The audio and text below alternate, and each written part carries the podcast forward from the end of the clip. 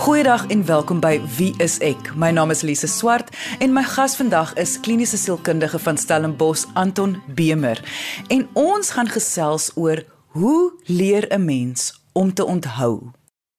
Anton ek is mal oor die onderwerp want dit som dit so mooi op, die leer en die onthou. Maar voor ek my vrae vir jou vra. Die rede hoekom ons hieroor gaan gesels vandag. Jy het vir my vertel hoe jy al hoe meer mense in praktyk sien wat tans sukkel met hulle geheue meer as normaalweg. En daar is sekerlik baie redes daarvoor. Ons is in baie ongewone tye. Daar is ander uitdagings wat mense op die oomblik moet hanteer as gewoonlik, as hulle by die werk is, as hulle tyd het om te gaan oefen byvoorbeeld.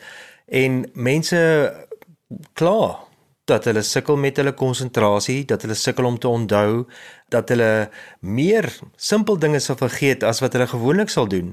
En tog sal hulle sê dis nie asof daar spanning by die huis of stres by die huis is nie, maar hulle sukkel net om regtig kom ons sê kwaliteit geheue toe te pas op 'n dag tot dag basis.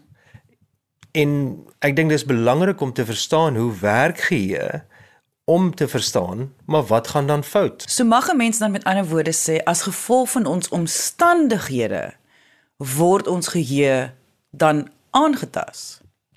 Daar's baie dinge wat ons geheue aantas en omstandighede is verseker een van daardie bestanddele wat wat geheue aantas.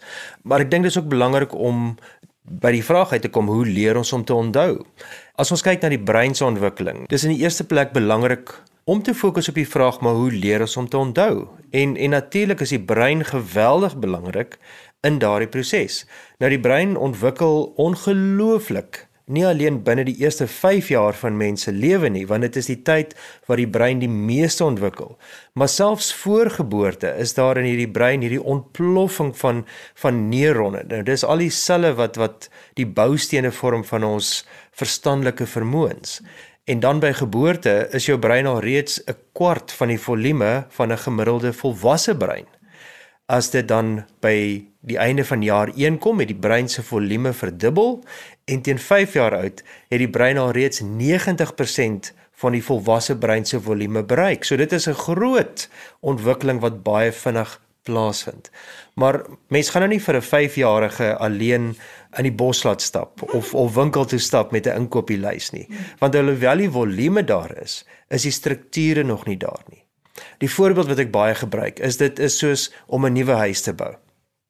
Die vragmotors kom, hulle laai al die bakstene af, die sement word afgelewer, iemand kom met die dakteels, iemand kom met al die bedrading, die vensters, die deure en alles is daar. So die volume van die huis is daar, maar is in al hierdie verskillende hoopies uitgepak dit is nog nie 'n huis nie.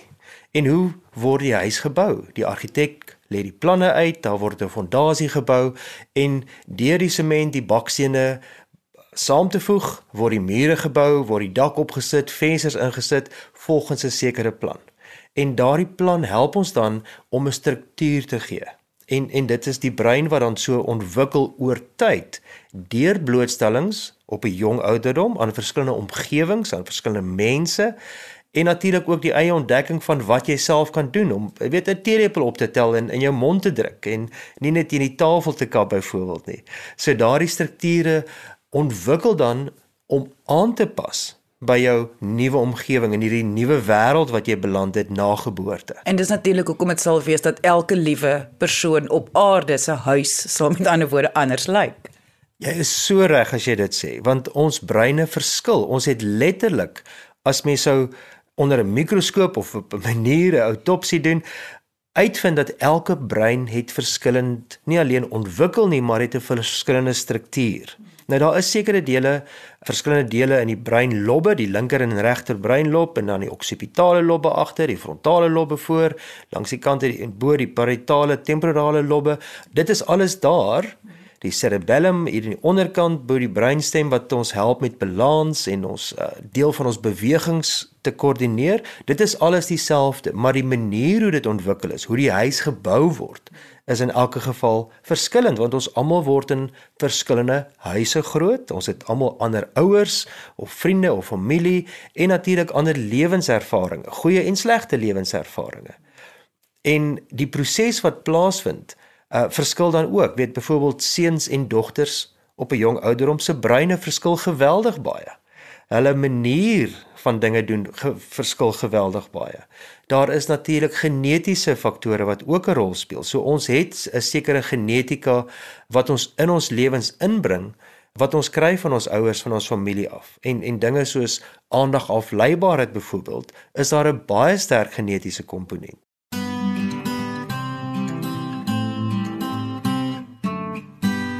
Goed nou maar, hoe kom dit dan nou by iemand se geheue uit?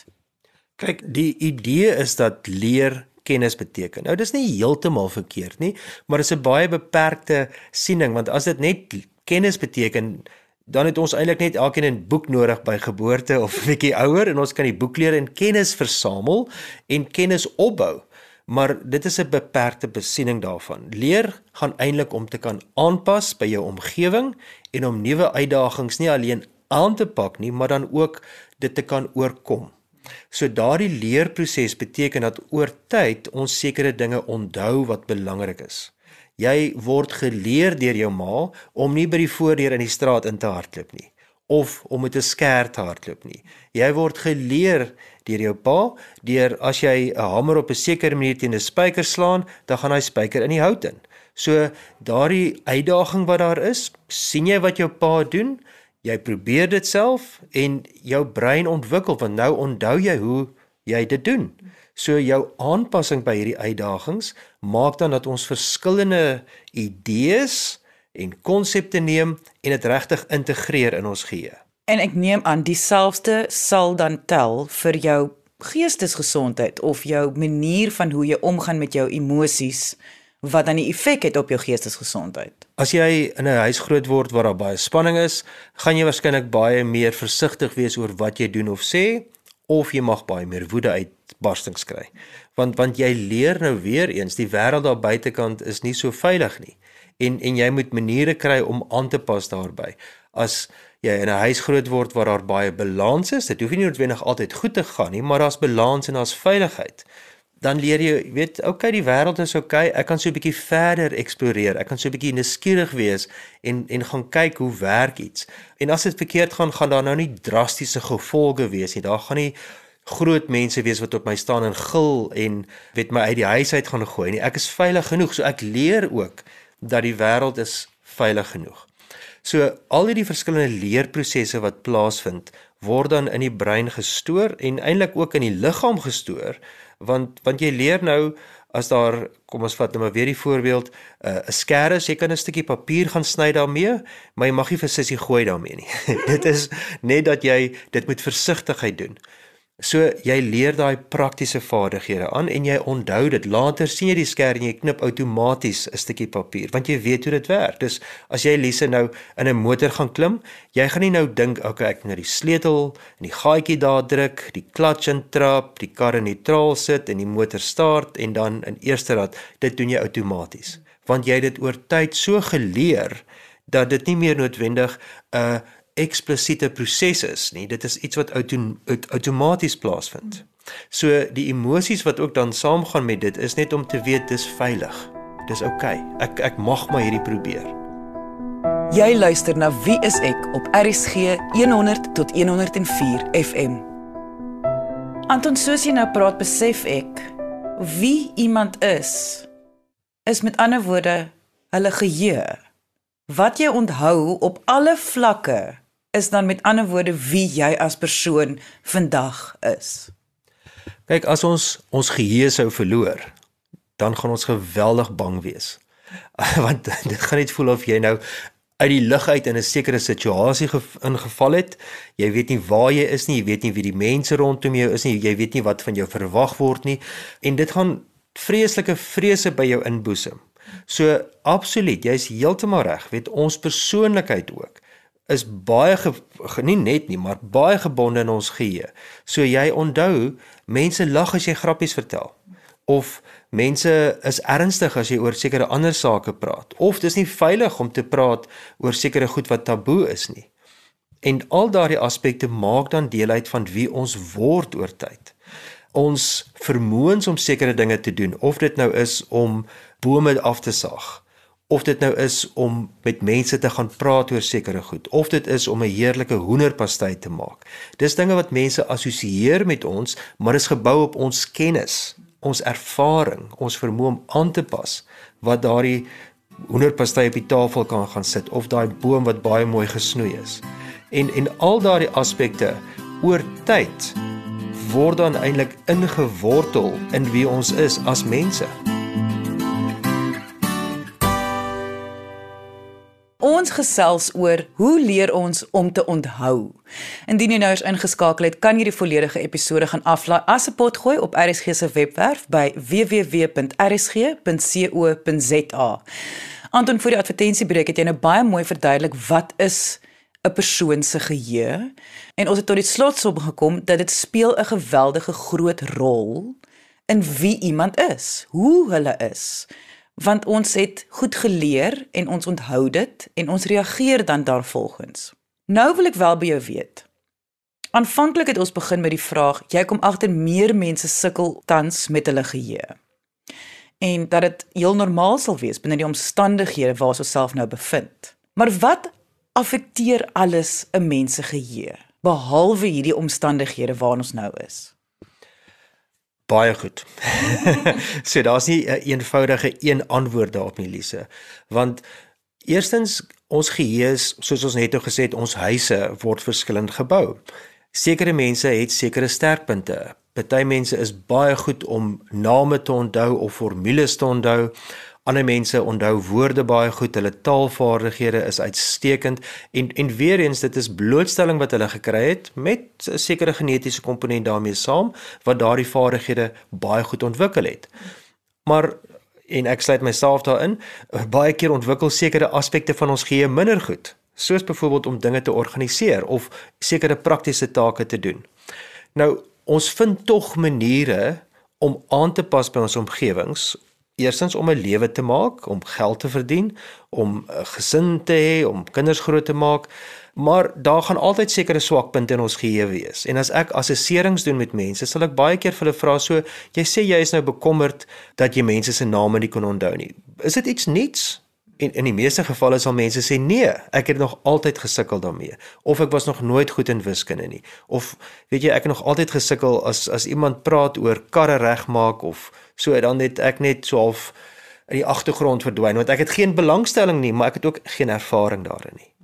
En en natuurlik as jou omstandighede verander, dan is daar 'n aanpassing wat plaasvind. Of dit nou is in hierdie lockdown tydperk dat jy nou net by die huis mag wees en nie mag uitgaan nie of dit is dat jy in 'n nuwe omgewing intrek en nou ewe skielik is daar nuwe rotines en mense doen dinge op 'n ander manier amper soos om in 'n ander land in te gaan en nou praat mense 'n ander taal en jy kan nie die taal verstaan nie en jy weet nie eers hoe om 'n koffie by die restaurant te bestel nie. So 'n verandering in omstandighede speel 'n groot rol. Ouderdom speel 'n groot rol sekere aspekte van ons geheue verbeter eintlik soos ons ouer raak. Soos ons woordeskat, ons kennis van woorde raak meer soos ons ouer raak, maar ons raak baie keer 'n bietjie stadiger om dinge te onthou. So die spoed van onthou mag mag verander. Dan natuurlik dinge soos alkohol, uh enige dwelmmiddels, um baie sterk medikasie, al daardie aspekte belemmer ons vermoë om nuwe inligting in te neem en aan vas te hou en dit te gebruik. Uh, mense wat kroniese pyn ervaar, mense wat erge siekte toestande het, dit belemmer ook jou geheue en natuurlik dan die emosionele sy, depressie, angs. As jy geweldig angstig is, as jy depressief is, dan dink jy nie so helder nie want nou fokus jy net op die dinge wat sleg is. Nie net bewustelik nie, maar baie keer onbewustelik. As jy dink daar's 'n gevaar, as daar iets is wat jou bedreig, of dit nou 'n werklike ding is en of dit 'n bekommernis is oor iets wat mag gebeur, kan jy so daarop fokus dat jy nie regtig konsentreer op iets anderste nie. en en dit verander eintlik jou fisiologie, jou jou asemhaling verander, jou bloeddruk verander, jou letterlik jou oë verander as jy gespanne raak want jy fokus dan nou net so spesifiek op iets dat die sykante van jou visie eintlik wegval en jy sien nie die groter prentjie nie.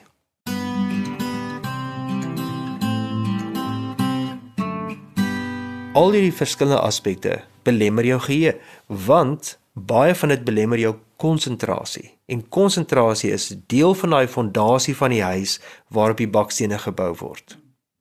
Soos ek nou na jou luister, voel dit vir my tog wil ek die vraag vra wat dalk nou vir baie mense al klaar voor die hand liggend is. Maar hoekom is dit belangrik om hieroor te praat? Soos ons net nou gesê het, as jy nie kan onthou nie, dan gaan jy baie angs beleef. As jy die mekaar raak oor hoe sekere goed werk en en dit maak nie vir jou sin nie, gaan jy angstig raak of jy gaan selfvertroue verloor. Op die oomblik is daar baie dinge wat vir ons onseker maak. Ons is onseker oor die toekoms, ons is onseker oor inkomste of die kinders veilig gaan wees by die skole. So al daardie angstighede maak dat ons nie so goed konsentreer nie en mense raak dan bekommerd oor hulle geheue of hulle dinge goed kan onthou. Maar ons moet verstaan dat ons geheue is nie net 'n vaste entiteit soos 'n baksteen nie. Dit word gevorm deur jou omstandighede, deur jou emosies, deur jou verhoudinge met mense rondom jou. En in hierdie dinamiese proses waar dinge verkeerd gaan, waar dit ook al is, gaan dit jou affekteer en die kwaliteit van jou geheue affekteer. Soos mense ouer word, raak hulle bekommerd, maar ek onthou nie nou so goed nie, het ek dalk Alzheimer, het ek 'n vorm van demensie. En is belangrik om seker te maak is daar wel so 'n probleem wat 'n neurologiese probleem is of is daar weer eens ander faktore wat 'n rol speel soos aftrede of dat jy nou iewers heen getrek het en al jou vriende agtergelaat het. 'n Nuwe werk begin en jy is baie onseker van wat van jou verwag word. En nou is daar nog geweldig druk op jou. Die tye waarin ons leef is baie vreemd en jy sukkel net om te konsentreer en nou begin jy al meer en meer die fout by jouself soek. Nou weer eens jy is nie perfek nie. Almal van ons het ons tekortkominge. Dit is baie seker. Maar dit beteken nie nou dat jy foutief is nie ons moet verstaan hoe ge geheue werk in hierdie verskillende kontekste waarbinne ons lewe. Jy luister na Wie is ek op RSG 100 tot 104 FM. So as ek reg verstaan, indien 'n persoon maak nie saak wat hulle ouderdom is nie, tans sukkel met hulle geheue. En baie keer is daai toets mos in elk geval dat jy dis die klein goedjies. Jy vergeet wat noem mens nou weer die ding daar of jy vergeet o oh, wat is daai ding nou weer of daai een se naam of jy vergeet afspraak. As mens hierdie klein tekens begin sien veral in hierdie tyd moet daar so half 'n klein alarmpie aangaan dat duidelik is iets besig om jou konsentrasie te affekteer en omdat ons nou in oorlewing funksioneer om dan effektief te oorleef, is dit iets om altyd na te volg, om dit nie sommer net te ignoreer nie, om te kyk na die patrone. Ek weet nou nie of ek dit nou reg opsom nie. hmm. As jy moet oorleef, beteken dit eintlik weer eens dat jy moet aanpas. En as jy moet aanpas, moet jy nuwe vaardighede leer. So miskien was dit nog nooit nodig vir jou om iets te doen om jou te help ontspan nie, want jy het nog altyd gaan golf speel of jy het met jou vriendinne iewers te gaan kuier en gesels en daardie ontspanning was vir jou genoeg om van jou angstigheid ontslae te raak. Weet ek haal nou diep asem want daai angstigheid kom in en jou asemhaling verander, maar weer eens dan verander jou konsentrasie ook. As ons moet oorleef, het ons nou nodig om dinge op 'n ander manier te doen as van tevore. Ons het nodig om op 'n ander manier koneksies te bou met mense. Ons het nodig om op 'n nuwe manier te kyk na ons eie fisiese gesondheid, maar ook ons eie emosionele gesondheid, want dit belemmer ons konsentrasie, ons geheue en dan ook ons vermoë om sekere take uit te voer. En dis natuurlik probleme, probleme op te los. Dis waarop dit neerkom. Dit gaan oor probleem oplos. Hmm. En probleme oplos klink baie negatief. Maar ons het elke dag probleme wat ons moet oplos. As jy voor die uh, rak in die winkel staan en jy besluit wil ek nou hierdie pap koop of daardie pap koop. Dis 'n klein probleempie, maar soms dink jy, okay, die kinders eet nie hierdie pap nie, maar ek hou van hierdie ene en dis 'n probleem. Maar ek dink mense moet ook sê probleme kan ook positief wees want dit is deel van 'n groeiproses om probleme te oorkom. Dit bou selfvertroue om te sê, weet jy wat, ek is nie so goed met DIY nie, maar ek het nou hierdie portret opgehang en dit lyk actually baie smart. So dit is 'n probleem wat vir jou 'n sukseservaring ook gee.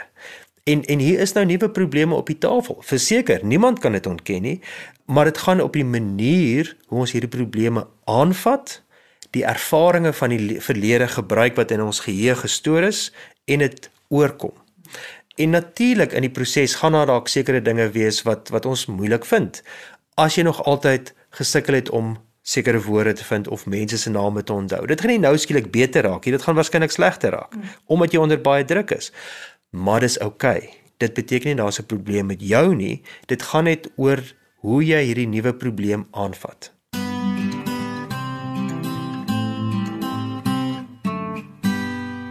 Ons het dan nodig om verantwoordelikheid vir onsself te neem. Ons kan nie die wêreld daar buite verander nie. Ons kan nie die pandemie wegwens nie.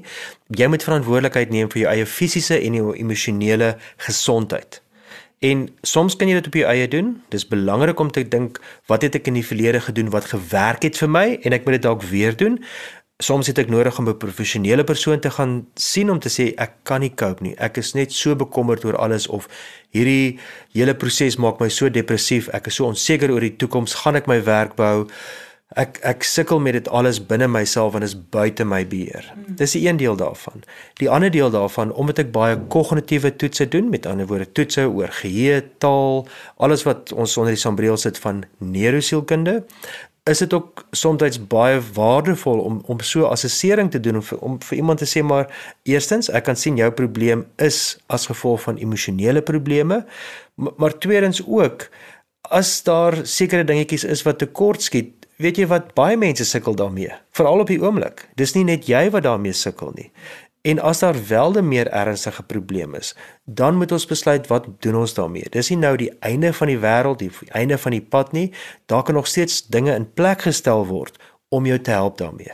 So in ander woorde, maak nie saak hoe sleg jou en weer eens tussen aanhalingstekens jou huis gebou is, jou brein homself aan mekaar gesit het in jou lewenstyd nie. Daar is altyd hoop om verstellings daaraan te maak.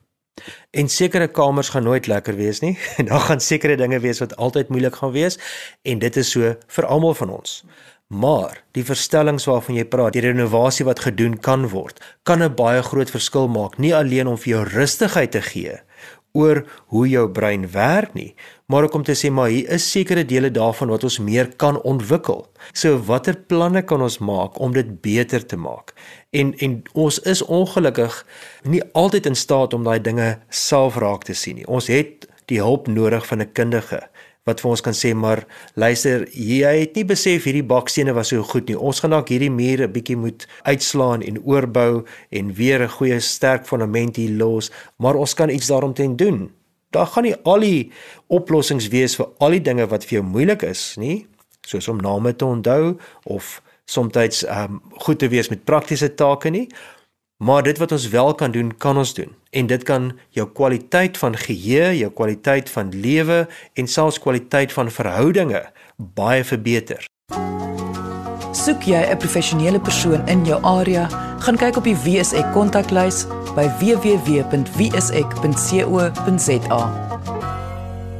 Wat vir my baie belangrik is met hierdie nuwe uitdagings, gaan daar tye wees wat mense of emosioneel in mekaar sak of hulle gaan voel hulle konsentrasie en geheue laat hulle so onder dat hulle nie kan funksioneer nie.